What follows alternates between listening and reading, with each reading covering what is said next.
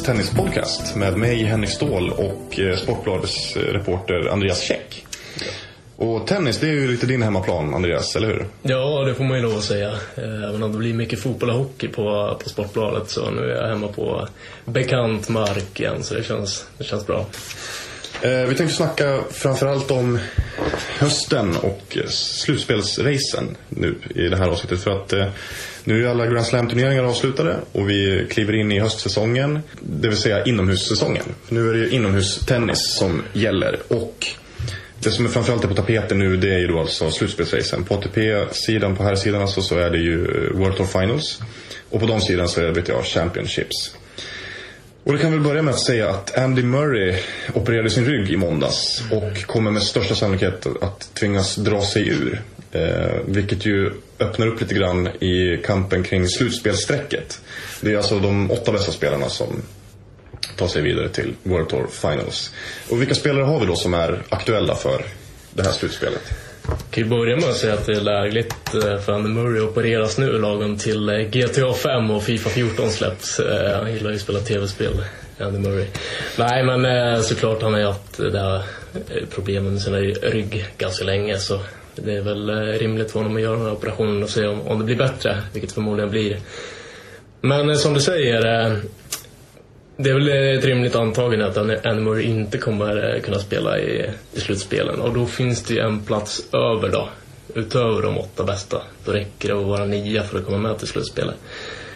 Och vi har ju Gasquet som ligger nia just nu. Men där tätt bakom så finns det ju en trio som jagar. En kvartett kanske till och med. Eh, men det är väl egentligen Songa som har bäst eh, chans, skulle jag säga. Han kommer ju tillbaka från en skada här och har visat gryende form och känns... Tog sig till final i Mets, förlorade där mot landsmannen Gilles Simon. Men han gjorde ju faktiskt en jättebra turnering där. Ja, Eh. precis. Och det känns som att eh, den här tidpunkten på året också när det är mycket spel inomhus och eh, om han kommer upp i den nivån som vi vet att han har så, så kommer han plocka poäng och eh, då tror jag att det kan räcka för att, för att gå förbi eh, Gasquet. Även om han gjorde jättebra ifrån sig i US Open och eh, definitivt att räkna med så, så ser jag Songa som eh, spelaren som potentiellt sett eh, tar mer poäng då, av de två.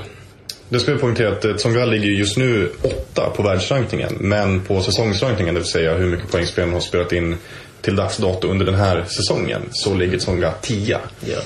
Eh, och där ligger alltså, eh, där är det då alltså just nu eh, Gasquet och Wawrinka i, i botten. Och så. Vi har ju alltså, Nadal och Djokovic är redan direkt kvalificerade och eh, det var även, eller det är även Andy Murray men kommer då som sagt förmodligen att stå över. Eh, Ferrer kommer ju, han är ju inte kvalificerad men han kommer ju att kvalificera sig. Han har så, så väldigt stort försprång och det känns också ganska säkert att säga att Tomas Berdych är, är klar. ja, och Del Potro. Eh, Ja, vi kan räkna med Ja. att han tar sig dit också. Sen har vi ju då alltså, det är ju framförallt Federer, det, som det framförallt står, de som det framförallt står mellan att ta de här sista platserna. Det är ju Roger Federer, det är Stanislas Wawrinka, jag, Wilfried Tsonga och eh, Richard Gasquet. Och sen är det de som du nämner under där, där har vi Milos Raonic, eh, vi har Tommy Haas och vi har John Isner som är mm, cirka 500 poäng efter ungefär. Eh, de tre. Men ehm, jag håller med dig om att, att eh, Tsonga har en väldigt god chans. Han är ju en jättebra inomhusspelare. Eh, han gjorde bra ifrån sig redan som sagt i, i Mets. Eh, han tog sig till final direkt efter skadan då som han ådrog sig i Wimbledon. Han har haft knäskada och det var- befarades ju att han kanske skulle missa hela säsongen. Så att, det får man ändå säga ett, liksom ett styrkebesked. Nu kommer tillbaka så starkt. Men eh, Gasquet är ju inte riktigt en inomhusspelare på, på samma nivå som Tsonga. Han har ju inte det, riktigt det. off- Nu, nu visade ni upp ett mycket mer offensivt spel i US Open. Men han tenderar ändå liksom att hamna långt bakom baslinjen och, och nästan liksom counterpuncha lite grann. Eh, och det håller ju inte.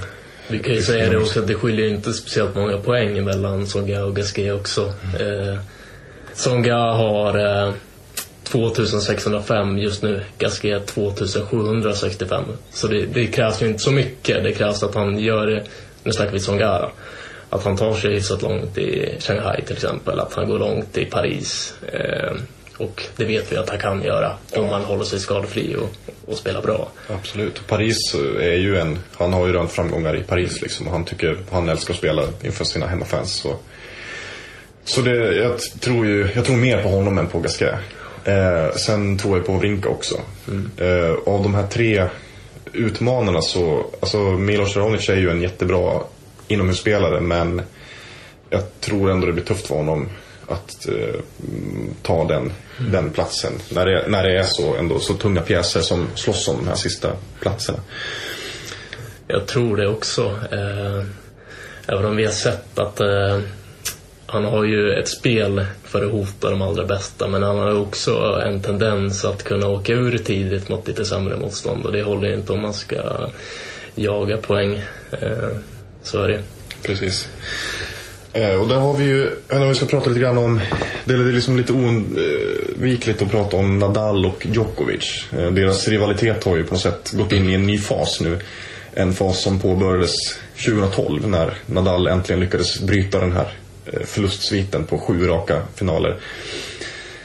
Och eh, vann då Monte Carlo, Rom och eh, Franska öppna. 2013 nu då när han kommit tillbaka efter sin skada så har han ju så har han ju liksom följt upp den med, med ännu fler liksom väldigt imponerande segrar. Började med att Djokovic vann i Monte Carlo eh, visserligen men sen har ju Nadal eh, tre raka segrar mot sin ärkerival sen dess och det är ju Franska öppna semifinalen och det, det är Cincinnati eh, semin och eh, Nej förlåt, Montreal var det. Montreal semin. Ja, Montreal, Canada Masters. Och sen är det US Open-finalen då. då. Mm. Och eh, just Open-finalen vann han ju liksom med 3 till set och var ju, tycker jag, den alltså sett i hela matchen, den klart bättre spelaren. Djokovic hade ju en period i andra och en bit in på tredje set där han var sådär överlägsen som bara han kan vara. Eh, modell 2011 men han orkar inte hålla det liksom. Nej. Det blir ju lätt att man jämför Djokovic med 2011 eh, års version av Djokovic och det är väl kanske lite orättvist med tanke på hur extremt bra han var 2011. Alltså det, det är helt makalöst hur bra han var. Eh, så bra kanske han inte är egentligen. Alltså det, det är svårt. Han är ju det, i, i, fast i mindre doser. Alltså, ja, på något sätt men att kan... hålla den jämna nivån hela ja. tiden och verkligen vara så pass överlägsen. Det är ju svårt att vara det flera år i rad. Och sen tror jag ju, framförallt under 2011 så var det lite grann att han tog många på sängen. Han tog mm. Nadal på sängen, han tog alla de här lite på sängen för att de var vana vid eh, de var vana vid Djokovic som spelade väldigt, väldigt bra stund, i stunder och sen liksom lite halvt kollapsade och då kunde man jobba sig in i matchen igen och vinna. Men sen kom han där liksom och hade förbättrat sin fysik och allt där och, och liksom orkade spela på den här enorma nivån. Och dessutom så var han ju han jagade olika mål som han satt upp. Han, ville, han skulle bli världsetta, det hade han bestämt för länge sedan. Och nu liksom såg han att han faktiskt kunde bli det. Eh, och han jagade, han jagade liksom alla de här Grand Slam-titlarna som han inte hade. Han hade ju bara, inför 2011 så hade han ju bara den här, den här enda Grand Slam-titeln i, i Australiska öppna 2008. Um, ehm, och han lyckades ju uppnå dem i alla fall. Han uppnådde ju målet så att han vann Wimbledon US Open. Han, han bommade ju Franska öppna där i semifinalen mot Federer. Han gjorde en av sina absolut bästa matcher de, under de senaste åren. Men sen tror jag också det att eh, Nadal har ju förändrat sitt spel. Um, just mot Djokovic. Han har, och han har ju liksom, han, han har ju justerat sitt spel framförallt på hardcourt. Han är ju han är mer aggressiv ja. Eh, på hardcourt. Han är ju sjukt aggressiv. Eh, Jämfört med Nadal för några år sedan. Ja. När han var väldigt passiv och liksom hamnade ja. långt bakom. Ja. Um, men sen så tycker jag också att han har, han har liksom ett helt annat tålamod när han spelar mot Djokovic nu jämfört med 2011. 2011 så var han ju nästan, han såg nästan slagen ut efter att ha torskat ett game liksom. Så var det så att han, man såg nästan på honom att han kände att jag kan inte vinna, jag kan inte vinna mot Djokovic. Och han, han, han, eh, han, sa ju själv, berättade själv i, en intervju Nadal eh, efter US Open-finalen i år så var det ett litet slutet sällskap efter den officiella presskonferensen. Mm. Där han fick frågan om när kom vändningen? Och då tyckte han att jo men vändningen kom i US Open-finalen 2011 mm. i tredje set. Han förlorade den finalen med 3 set och var liksom underlägsen i princip nästan hela matchen. Förutom just i tredje set som gick till tiebreak och han vann det tiebreaket med 7-3. Där tyckte han att han hittade, han hittade lösningar på Djokovic. Djokovic spelade jättebra i det sättet också men Nadal lyckades vinna det. Och sen, och sen sa han att han var tvungen att ha tålamod och vänta på att Djokovic skulle tappa lite i nivå och att Nadal sakta skulle öka sin nivå. Och han hade jättepositiva känslor efter Australiska öppna finalen 2012 där han tyckte att ja, men, han kunde ändra dynamiken i matchen. Maratonmatchen. Ja, precis. Och det tycker jag att jag har sett eh, nu, de här, de här matcherna som han faktiskt har vunnit mot Djokovic. Att, men även i US Open nu i år så var han ju överlägsen i första set. Och i andra set så, när Djokovic började liksom, ta sig in i matchen så föll Nadal lite tillbaka, var lite mer defensiv och försökte bara förlänga duellerna. Liksom försökte att hålla uppe sitt självförtroende hela tiden och liksom eh, vänta på att den här dippen skulle komma, för den kommer ju. Mm. Och när den kommer så måste man eh, mot Djokovic ta de chanserna. Och det var det Nadal gjorde. Ja, det är det han gör och eh, all heder åt Nadal som kommer tillbaka från ett sju månader långt skada uppehåll och vinner i princip allt. Eh, obesegrad på hardcourt. Hur imponerande som helst. Men jag tycker också någonstans att man kanske bör ifrågasätta om Djokovic inte hjälper honom på traven. Lite grann också. Det, det handlar inte alls om att jag vill såga Novak Djokovic. Han har varit världsetta i, i hundra veckor och alla vet hur bra han är. Men om man kollar på vad han har gjort i år efter att han vann eh, i Monte Carlo. Sjukt imponerande match när han verkligen körde över Nadal. Men han är ju inte den här oslagbara eh, Novak Djokovic med den där auran där man känner att det går inte att slå honom. Han har spelat sig till lägen där han har ett, ett eh, sjukt momentum på sin motståndare och sen viker han ner sig. Det hände i Madrid mot eh, Dimitrov när Dimitrov var skadad. Eh, han torskade mot Berdych i, i Rom fast han hade ett eh, grepp på honom mentalt. Hände i Franska öppna mot Nadal i finalen där. Ja, ja det var... Mot eh, Andy Murray i Wimbledon och kanske inte minst just i, i Montreal mot Nadal där han hade ett jävligt eh, bra momentum i tredje set och sen går det till ett tiebreak och han viker ner sig fullständigt.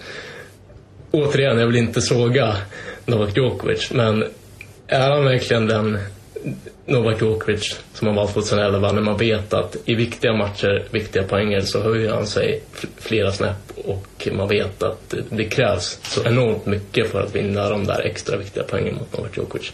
Så, så jag upplever det som att det, det är inte riktigt så längre och eh, då handlar det om det mentala spelet där jag känner att eh, Nadal har fått ett litet övertag på Djokovic. Det håller jag med om och jag skulle nog nästan, för att om vi ska undvika att jämföra honom med 2011 ja. så, så kan vi faktiskt nöja oss med att jämföra honom med 2012. För att ja. även 2012, där var han inte lika dominant. Men det var många matcher som han, där han liksom, där han krånglade sig ur jobbiga lägen. Han ja. krånglade sig ur eh, i Franska öppna mot Songa när han hade tre matchbollar ja. mot sig. Och det var alltid så att han spelade sin absolut bästa tennis när det verkligen behövdes. Mm. Eh, nu har det på något sätt blivit så att eh, när, han har moment, moment, när han har byggt upp momentum så är det som att han bara slappnar av och liksom tror att det ska flytta på. Sen gör han så här jättedåliga egna servegame och tappar serve och, sen, och så skiftar momentum och sen liksom är det som att han Ja, men I Franska öppna så kändes det som att han faktiskt eh, tankade bort tredje set. Ja. Han tappade det med 1-6 och var liksom, han var ju helt under isen. Och sen i fjärde set kom han in och bara liksom maler på. Eh, det håller jag absolut med om. Och sen som till exempel Wimbledon då, mot Andy Murray. Där kände, där kände jag att jag tyckte att han gjorde inte en speciellt bra match mot Del Potro. Det gjorde han faktiskt inte. Om, om Djokovic hade gjort en jättebra match mot Del Potro så hade den matchen aldrig gått till 5 set. För att Del Potro gjorde, han gjorde en supermatch. Men det som han presterade där, det hade inte räckt mot en Djokovic på topp. Han tog, alltså Djokovic kom inte riktigt in i matchen. Han kom, han, eller han kom fel in i matchen. Mm.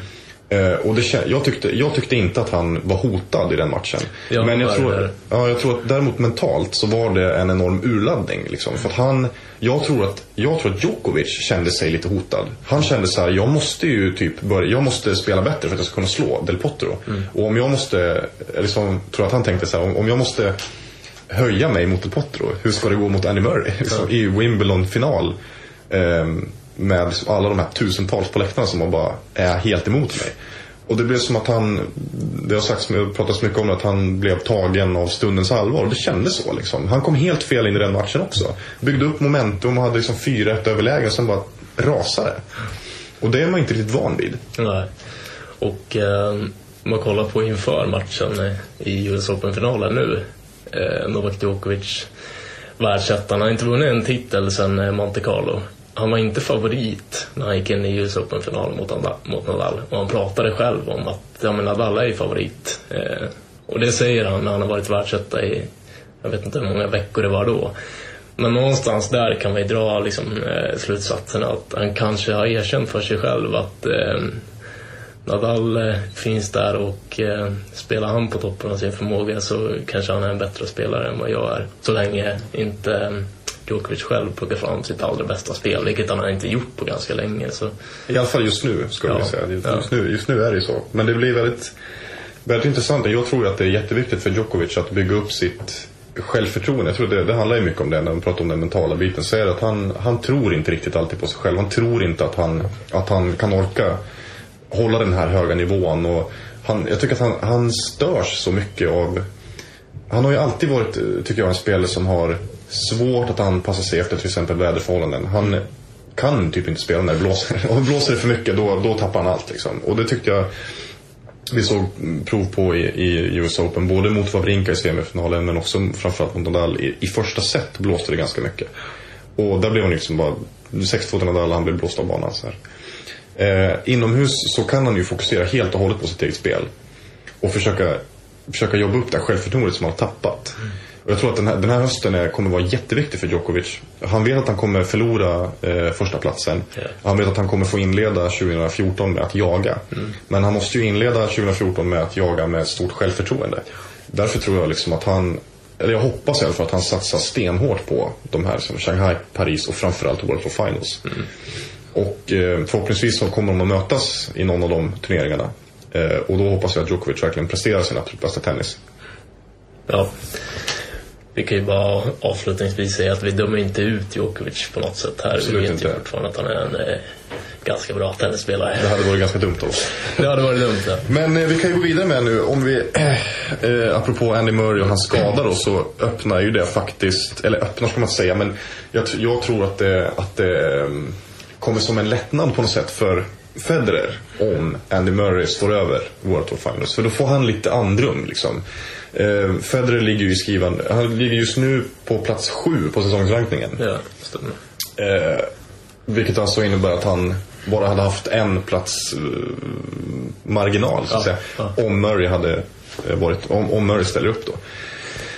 Om, det, om, det, om Murray inte stä, eller tvingas dra sig ur och det räcker med världsnia så ja, då får ju han lite. För det är alltså menar att, att en spelare ska hinna gå om honom, mm, jo det kan vi se. Men att, liksom, att tre spelare ska gå om honom, det känns inte troligt tycker jag. Under, in, alltså inte nu under inomhussäsongen som är liksom hans som är hans del av säsongen så att säga. Så jag tror, jag tror att det är bra för Federer och alla hans fans. Liksom, för att ja, jag har svårt att se att Federer ska tappa sin, sin slutspelsplats. Jag har också svårt att se att han ska tappa den. Eh, däremot, så eh, visst som du säger, han gillar den här delen av säsongen. Eh, Han gillar att spela den. Men eh, jag kan känna så här att eh, finns det, vad, vad finns det för anledning egentligen? Alltså någonstans är det läge för lite damage control. Han vet att, han, nu har han ju någonstans erkänt för sig själv att eh, han är lite ur balans. Att han inte längre har ett spel som hotar de allra bästa. Eh, och förlusten mot Robredo, det, det var ju, alltså, jag, jag tycker den var direkt pinsamt. Att åka ut 3-0 mot eh, Robredo, det, det är inte okej. Nej, och särskilt inte eftersom Robredo faktiskt inte gjorde en så himla makalös match. Det, det kan man inte påstå. Han gjorde en stabil Robredo-match liksom. Men det var inte, det var inte hans bästa, match i karriären Nej. på något sätt. Men då kommer han ut till presskonferensen efteråt och han pratar lite grann om, om ryggen. Okej, om det är ett stort problem, fine. Men eh, han säger också att nej, spelet stämmer inte idag och då kan det se ut så här. Och det är inte riktigt likt Federer för han brukar ju oftast ha lite grann bortförklaringar och, och sådär. Men då kan jag känna så här, okej om ryggen är ett problem och du känner att spelet stämmer inte, du håller på att experimentera med ett nytt racket. Vad, vad, vad finns det för anledning då att åka och spela i Gstad i, i Hamburg och eh, skämma ut det ännu mer? För jag tycker någonstans att det är det han gör och jag tycker att eh, det, det kanske inte är så, så dumt att bara lägga ner den här säsongen nu. Låta ryggen eh, bli bra igen. Testa lite nya racket då. Eh, känn efter och gör det under flera veckors tid tills det verkligen funkar. Ändra detaljer i ditt spel. Lägg hela den här vintern åt att eh, hitta lösningar som gör att du kan bli en så bra spelare så du har chans att hota de allra bästa igen. Sen kom tillbaka, kom tillbaka 2014 och ge det liksom ett, ett ärligt försök. Eh, Och håller det inte då, nej men då, då håller det inte. Jag, jag förstår bara inte varför han ska spela så här små turneringar för att jaga poäng till att gå till slutspel. Okej, slutspel är en viktig grej. Det, för många är det höjdpunkter på året men allvarligt talat, var, varför är det så viktigt för Federer att spela ett slutspel om han ska komma dit och förlora alla matcher? För det ser jag absolut en möjlighet. Att, Jag, jag håller delvis med dig, men jag ser också som att om han, alltså tar man sig till slutspelet så är man ju, då är det ju liksom inför säsong 2014 så är det i princip garanterad kvartsfinalsidning. Ja.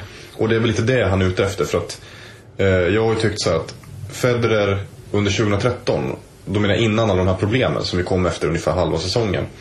Så kändes det som att så länge Federer håller sin semifinalsidning, alltså så länge han är eh, topp fyra, så är han ändå att räkna med på något sätt. För att han kan höja sig liksom. Det, han visade det i Franska öppna 2011, han visade under hela 2012 att han liksom kan sig, eh, höja sig och liksom hota. Men han kan ju inte göra det om han måste slå för många bra spelare på vägen. Nej. Och därför måste han, han är ju väldigt beroende av hög sidning. Eh, tar man sig till slutspelet så är man ju garanterad det i princip. Såvida han nu inte skulle sluta världsnia. Ja. Men om vi, om vi utgår från att han, att han slutar då som världssjua.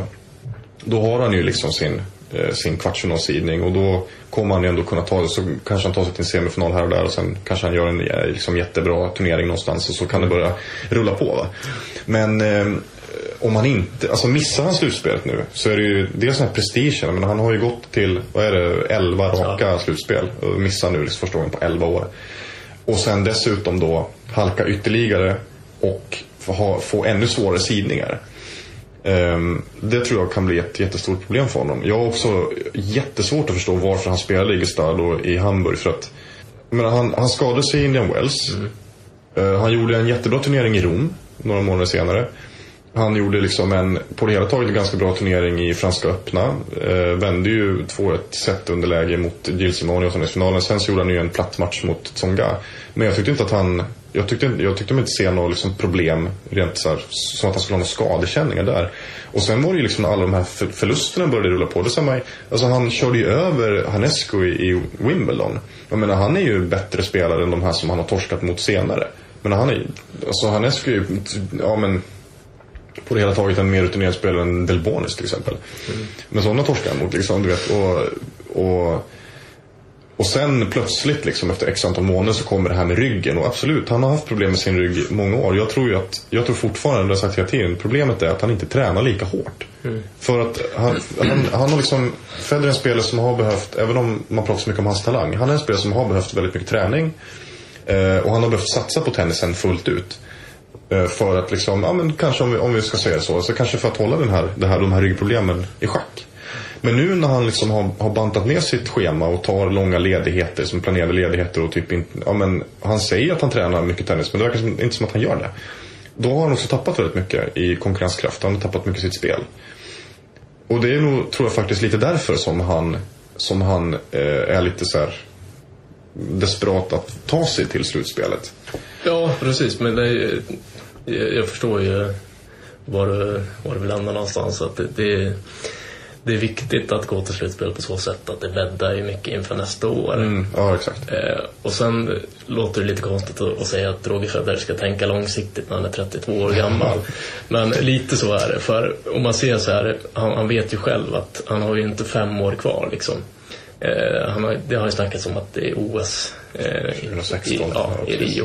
Det, det känns ju ganska tveksamt. Ja, det- Men jag, jag vet inte, va- varför ska han åka runt och liksom greppa efter hals, halmstrån och, och försöka nå ett slutspel, vilket han förmodligen kommer göra om han spelar under hösten. Men är, en, är inte målsättningen att vinna, vinna fler eh, Grand Slams? Då tror jag att det, hade bättre, att det hade varit bättre att lägga ner nu och ta vintern åt att verkligen hitta sitt spel igen. I lugn och ro. Och komma tillbaka 2014. Jag vet inte. Kan vi- han han vet ju bäst själv såklart, men... Ska vi avsluta med att fråga, ställa frågan, kan vi vara säkra på att han faktiskt kommer tillbaka 2014? Eller kan det vara så nu att han faktiskt väljer att lägga av efter 2013? Vad tror du? Det beror väl lite på, säg att han fortsätter att att förlora matcher. Man åker ut tidigt mot dåligt motstånd. Nej men, nej, men då, då, tror jag att han vill visa 2014 att nej, vänta, det, det fanns någonting mer att hämta. Liksom. Men jag, jag, tror inte att han kommer att spela OS 2016. Det, nej, det, det kan vi nog vara eniga i. Det tror inte jag heller. Jag tror, jag tror däremot, precis som du, att han kommer att spela 2014 för att han är inte nöjd med 2013. Han kommer inte vilja lägga av och känna sig missnöjd med sin, med sin liksom, avslutningssäsong. Mm. Han, den spel, typen av spelare är han ju liksom inte. Nej. Vi kan, väl, vi kan väl avrunda snacket lite grann med att nämna att eh, Marin Cilic som eventuellt hade kunnat vara aktuell eh, för en av de där platserna. Han var ju världstolvan. Han drog sig ur Wimbledon med skada. Eller på grund av skada som det lät då. Det har ju visat sig nu att han, eh, att han lämnade ett positivt dopningstest i, eh, i München i april. Och varit avstängd. Han, först så var han frivilligt avstängd då från slutet av juni när han drog sig ur Wimbledon. Och nu så är han alltså avstängd till och med januari efter, för att det, eh, han, eh, det, det, här testet visade på var så att han hade ett ämne som, hade, eh, som heter eh, nikotamid i kroppen. Som alltså är ett, ett ämne som man får via glukostabletter eller ja, koffeintabletter. Som hans mamma hade köpt. Som hans mamma hade köpt och han hade ingen aning om att det här... Och det, det köpte alltså den här tribunalen. Men ja, ja. Det är ju eh, överlag det, är, alltså, det här är alltså ett ämne som, som framförallt bergsklättrare tar för att eh, höja si, sitt syreintag. Helt enkelt få bättre uthållighet på högre höjder. Det har varit, eh, det har varit liksom en otillåten substans sedan 60-70-talet inom i princip alla sporter. Eller det är inom alla sporter, från det var Eh, han blir i alla fall avstängd då till januari. Eh, Viktor Troicki vägrade, eller vägrade inom citationstecken, lämna ett blodprov i, i Monte Carlo. Ja, han var, han var sjuk va? Ja, han, han säger det själv att han ja. var sjuk. Han lämnade ett urinprov men, men frågade kontrollanten om det var okej okay att vänta med blodprovet. Mm. Eh, och enligt, enligt Troicki själv då, så hade kontrollanten sagt att det var okej. Okay. Men det var det tydligen inte. Och nu är han avstängd i 18 månader. Det som är lite ironiskt i den här historien det är ju att eh, det här, alltså Troicki lämnade faktiskt ett blodprov dagen efter. Och det var negativt. Yeah. Eh, Cilic lämnade ett positivt eh, besked och han är alltså avstängd till januari 2014. Kan alltså komma tillbaka efter att Australien ska öppna. Eh, Cilic fick ju dessutom ett mildare straff för att den här tribunalen trodde på hans historia om att, han, eh, om att det här var att han eh, inte medvetet hade tagit den här substansen. Men då kan vi alltså räkna bort Marin Cilic i, i slutspelsracet. Ja, så... det kan vi göra. Och så kan vi dra en snabb slutsats om de här avstängningarna. Vad, vad tycker du? Nej, alltså jag tycker ju för det första att det, det har ju skötts väldigt dåligt. Alltså jag, jag kan jag tycker, inte, jag tycker inte att man alltid ska, ska prata om mörkning direkt. Därför att vi, vi, måste, vi måste vara medvetna om att det tar tid att göra en utifrån. Alltså från det att ett dopningstest visar sig vara positivt så ska det liksom utredas och det ska dubbelkollas och det ska köras i labb och så vidare. att det verkligen är positivt. Eh, sen ska då spelaren informeras, spelaren har, har rätt att eh, överklaga och så vidare. Så, så, det är en ganska utdragen process. Och nu, nu står det i valreglerna att eh, det är upp till organisationen, som i det här fallet då ITF, mm. att besluta om man ska gå ut med Eh, information officiellt då redan, redan vid eh, så att säga att det är ett positivt test. Eh, det har ju ITF valt att inte göra, Internationella Tennisförbundet då. Utan de har valt att bara offentliggöra domar så att säga. Och det var ju det de gjorde nu i somras. Då offentliggjorde de domen mot Marcelic då, som var avstängning till och med januari. Men det som, är, det som är så tragiskt i den här historien det är just att Troicki, de slog ner honom stenhårt och han var liksom jag vet, vet inte vad han hade för rankning när han blev alltså, men typ 46 kanske i världen. Nå, något sånt. Eh, Marin Cilic var alltså världstolva när han ja. blev informerad och, och han liksom, hans straff eh, förmildras under väldigt märkliga omständigheter. Jag har jättesvårt att förstå hur den här tribunalen kan tro på hans... Alltså för att det finns ingen människa i världen som, som inte tar den här eh, substansen i prestationshöjande syfte. Vi kan ju börja med att säga att den här substansen har varit bannad i Sverige. Alltså det finns inga, inga läkemedel med den här substansen i Sverige sedan 70-talet. Eh, nu säljs den visserligen över disk receptfritt runt om i Europa men eh, det är ju liksom en otillåten substans och det, det här ska, det, det är spelarnas ansvar. Även om det om nu Cilic faktiskt skulle tala sanning, vilket jag inte tror att han gör, jag tror han ljuger. Men om han talar sanning så spelar det ingen roll. Man ska ha koll på vad man, vad man stoppar i sig. Liksom. Så jag tycker att just den biten är, tycker jag är riktigt dålig av ITF. De skulle inte ha trott på den här historien. De skulle ha sagt nej, du har tagit de här glukostabletterna för att höja, liksom, för att förbättra din uthållighet. Och nu blir du avstängd så, så här lång tid. Det hade ändå bara rört sig om typ ett år. För det, enligt vardagsregler så är det max ett år tror jag eh, på just den, den här substansen. Jag eh, vet ju att du, eh, du har ju grävt lite mer i det här än vad jag har gjort och eh, du har flera åsikter om, om själva avstängningarna. Så, så jag nöjer väl mig med att konstatera att eh, det är fel att det skiljer så mycket mellan deras avstängningar. Och sen om det ska vara att Silic straff ska vara längre eller att Trojkovic ska vara kortare, jag vet inte. Men du var ju inne på det och sa att tycker lite synd om Trojtski och det, gör ju jag också.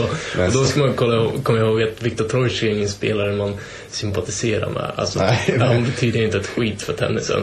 Det är ingen spelare man, man hejar på eller bryr sig om särskilt mycket. Och det är ju nästan därför man tycker lite synd om honom. Pro- Problemet så här där för ITF är att de kan inte mildra den för där är det ehm, och, alltså, det är ju som, det är så reglerna ser ut att det är minst 18 månader som, som gäller där. Men då tycker jag att man borde ha, ha straffat eh, Cilic hårdare. Särskilt med tanke på hur, hur, eh, alltså, hur dåligt rykte tennisen redan har. På grund av ganska, alltså, dåligt antidopningssystem och sådär. Ehm, och att det liksom är så äh, men det, det, det är så befängt att tro på den historien som Cilic kommer med. Eh, ska vi avrunda snacket om herrarnas slutspelsrace då med att tippa vilka som går vidare? Ja, det tycker jag vi gör. Du får börja då. Vi har ju, då, då vet vi redan att Nadal, Djokovic, Ferrero Berdych kan vi liksom slå fast att de är. Och då gäller det alltså de fyra sista platserna. Ja, och jag tror att vi är ganska överens. Jag tror att det blir Nadal, Djokovic och sen eh, slår vi fast då att Andy Murray missar slutspel. Ja, för det, det mesta lutar åt det liksom. Ja, men det mesta talar för det. Det mesta talar för Och då det. Säger det- vi Nadal, Djokovic, Ferrer, Berdych, Del Potro, Federer, Wawrinka och sen så kommer Songa in på Andy Murrays bekostnad. Yes. Exakt samma namn som jag, Ja. som jag har. Eh, precis, och där är det ju som, som vi sagt i skriven stund så är det alltså Gasquet som har den platsen just nu. Men, men vi tror alltså att Songa kommer att ta sig förbi under hösten. Ja, vi slår fast att det Vi slår fast att det kommer han att göra. Ja. Då kan vi ju hoppa över till, eh, till eh, damernas eh, slutspelsrace. Och där har vi ju Serena Williams, eh, dominant världsetta. Vi har Victoria Azarenka, Maria Sharapova, Agnieszka Radwanska, Lina, Sara Errani, det, det är Kvitova på sjunde platsen. Bartoli på åttonde platsen och henne räknar vi bort då i och med att hon har slutat. precis. Men eh, Och sen, ja just det. Då är det men då är det alltså Djankovic. Då är det Jankovic i nuläget som har den sista platsen. Där känns det väl som att det kan hända lite grejer. Eh, det känns som att det finns spelare som ligger där nere som, som kan eh, kliva upp och ta de där platserna. Jag tänker till exempel på en Sloane Stevens. Absolut. Som, eh, Hon har klättrat mycket under det här året. Ja, och eh, Kerber... Ja, jag tror att ja, Kerber är 12 just nu på, Just på den rankingen. Men jag tror att hon har en ganska bra chans att ta sig förbi Vinci och Jankovic. Men ehm, ja, alltså Kerber ju, är ju typ en av, en av årets absolut största besvikelser. Jag, Hon har verkligen inte gjort en, en bra säsong. Hon gjorde en toppensäsong förra året. I år så har det bara varit, alltså okej, inte bara magplask och fiaskon men inte i närheten av förväntningarna som ställts på henne. Hon Och- kändes ju som en kandidat som kunde vara med och hota om slams i år. Ja, absolut. Det tycker jag. Och framför, eller som i framtiden sådär överlag. Men re- redan i år, det hade jag också tyckt. Men nu, alltså, nu är hon eh, som hon är ganska duktig, hon är ga- ganska bra under den här, den här tiden på året. Men det finns ingenting i hennes spel just nu som talar för att hon ska att hon ska kunna kämpa sig till en av de där sista platserna. Ja.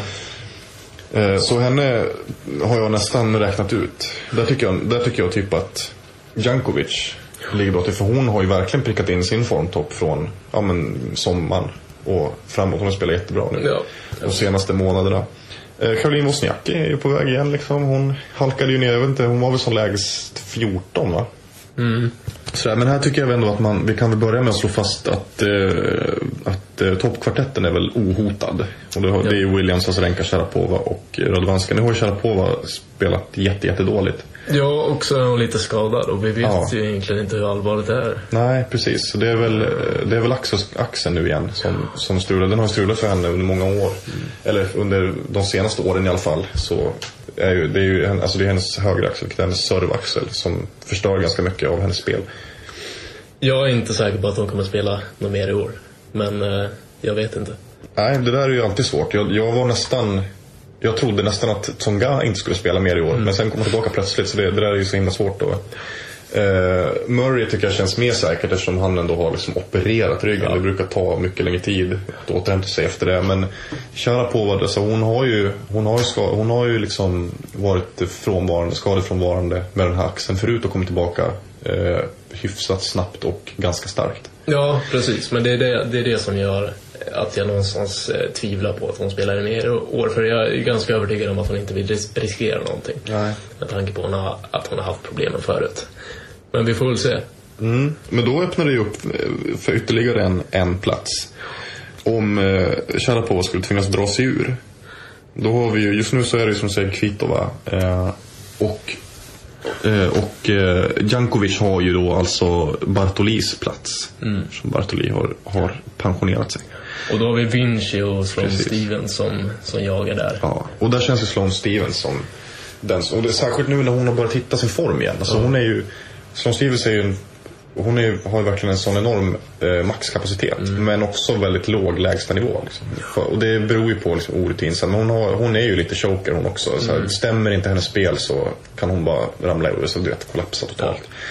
Men det känns som att hon är inne i, i ett liksom eh, i ett, i ett litet stim nu så att säga. Så, Jag tror det. Och sen eh, utan att ha koll på exakt poäng och så. eh, Irani har väl samlat ihop ganska många poäng under året. Men jag tror absolut inte att hennes plats, att hon är ohotad. Att hon sitter säkert. Hon är sexa på den rankingen nu. Men eh, det känns, ja, jag tror att hon kan floppa ganska rejält under, under vintern här. Ja, ja det är ju det är inte hennes, eh, det är ju verkligen inte hennes tid på året egentligen. Nej. Inomhustennis och så här, eller hardcourt i allmänhet och inomhus i synnerhet liksom, är ju inte riktigt hennes gebit. Men, eh, ja, men jag tror ändå, jag tycker hon sitter ganska säkert. Framförallt om nu Sharapova skulle, skulle tvingas eh, dra sig ur.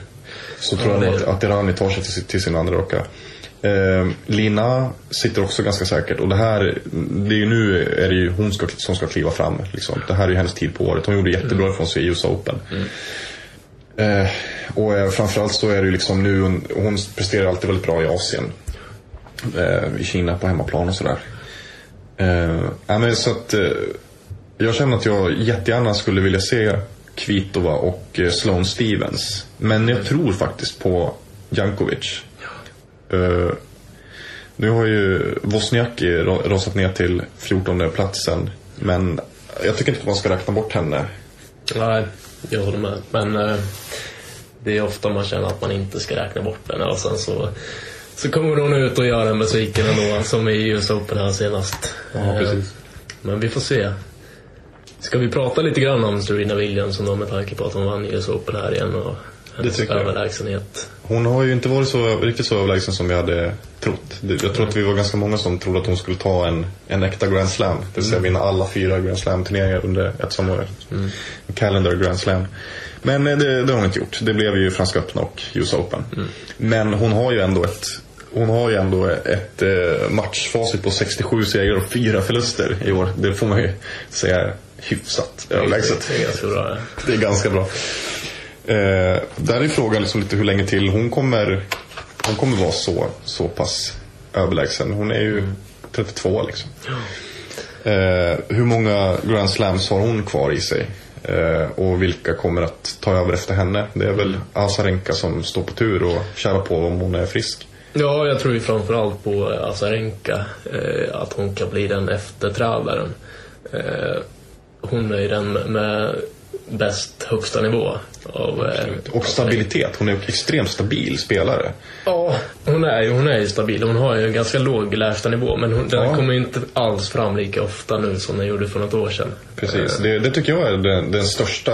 Det det, hon har ju alltid haft den här högsta nivån liksom. Och det, men just att hon, att hon som i till exempel matcher mot Serena Williams där Williams spelmässigt är mycket bättre. Ja. Så är det det att, att Azarenka håller sin nivå. Så att när Williams vippar så då kliver hon fram.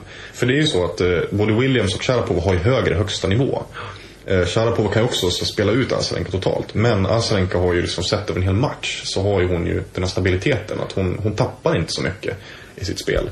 Utan hon håller liksom en ganska stabil nivå. Det, det tycker jag är imponerande ändå. Men apropå hur länge Serena Williams har kvar. eh, Jag tror det är ganska svårt att, att veta. Som sagt, hon är 32. Så hon spelar till hon är 35. Jag vet inte, kan hon göra det? Jag tror det är bara hon själv som vet. Alltså så länge hon har den här hungern. Och, och, Motivationen liksom. Ja. Att, ja. att hon inte känner någon slags mättnad. Jag får inte intrycket av att hon, hon känner det nu. Nej, verkligen inte. Eh. Det känns som hon vill fortsätta vinna. Ja. Och ser vi liksom på, på sikt vilka som kan ta över så jag, jag tror ganska mycket på, på Sloane Stevens till exempel. Jag, jag tror ju att eh, om vi kollar på till exempel, om, om, vi- om vi tar Sharapova och eh, Radvanska. Sharapova har ju bara sin, sin power. Eh, Radvanska har bara sin, sin smarthet. Eh, och jag, jag tror ju att man behöver kunna kombinera de där två grejerna och då ligger ju Sloane Stevens ganska bra till. Hon har, kan slå hårt, hon har bra liksom, finessen. Och, Bra försvarsspel också. För, Försvaret. för att vara liksom en, en i grunden offensiv spelare så. Ja, hon är väldigt snabb också. Och hon har en bra utvecklingspotential fortfarande, väldigt ung. Jag tror att hon blir att räkna med. Jag trodde att hon skulle kunna klättra lite högre på rankingen redan i år, men jag, jag tror att hon kommer bara kliva uppåt. Sen har vi många där under. Vi har ju Laura Robson och Heather Watson och de här spelarna också. Nu tror jag ju faktiskt att Radvanska har jättegoda chanser i någon slags övergångsperiod. Nu medan Sloane Stevens fortfarande är ung och liksom måste lära sig. Eh, så har ju Radvanska chans att åtminstone ta några, några Grand Slam-titlar. Ja, det liksom tror jag också. några, några tyng, tyngre titlar. Men det är ju det ofta att hon... Eh, jag, hon är en av mina favoritspelare. Jag tycker hon är, hon är, hon är grym. För, just för att hon är så extremt smart spelare. Och hon, hon, får ut så, hon får ut så oerhört mycket av det hon har. Ja. Eh, sen är det ju problemet att det liksom inte räcker mot de, de tyngre spelarna. Det räcker inte mot Williams, det räcker inte mot Azarenka. För de, för de slår igenom hennes försvar. Liksom. Eh, men i någon slags övergångsperiod så kan jag absolut se henne som, som eh, den största utmanaren mot Azarenka. Och att hon faktiskt kan ta någon titel här och där. Liksom. Det tror jag också. Sen är ju frågan nu också med Sharapova som är lite svajig och Williams som inte vet hur länge kommer. Nu kommer ju kanske den här stabiliteten som VTA faktiskt har haft eh, de senaste säsongerna. Som förra året till exempel så var det ju bara Williams, Sharapova och Azarenka som vann. Eh, Och då var det alltså de, alla de stora titlarna var det de som, jag tror att Radwanska vann någon, eh, någon högre, alltså Premier, Premier 5. Eh, men annars var det de som delade på alla de där titlarna. Eh, och var egentligen Alltså VTA var ju mer stabil på det sättet än vad ATP var förra året. När Nadal var borta. Då var det liksom... Men eh, den stabiliteten kanske förloras lite nu när, alltså om nu Williams mm, börjar avveckla sig själv och Sharapova kanske liksom, kanske blir tufft för henne att komma tillbaka. Då är det egentligen, då, då står ju hoppet till Azarenka att hon blir någon slags undisputed eh, världsetta. Lite grann som, som det kändes där året 2011 när eh, Serena inte hade kommit tillbaka från, från eh, skador var det väl. Exakt. Då, det året var ju i och för sig väldigt svajigt för där hade vi ju Kvitova vann Wimbledon och, och så var det väl, eh, nu ska jag se, vem var det som vann? Vem var det som vann? Det var eh, Lina som ändå va? Ja, var Lina Ja. eh, som vann? Slog köra på. eh, Exakt. Uh, US Open var i alla fall Samantha Stosur mot Ja. Williams. Så det var ju väldigt svajigt där liksom. Men sen är det ju också för att Williams har dominerat. Men så är det som att det liksom har fallit på plats lite där under också i toppkvartetten.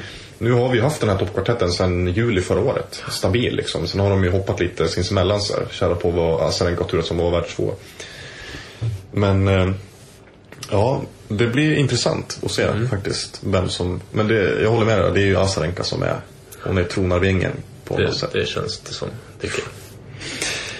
Eh, ska vi börja runda av lite grann kanske? Ja, det kanske är dags. Det kanske är dags. Ehm, och då tycker jag nästan att nu när, nu när det eh, återstoden av säsongen handlar om inomhustennis.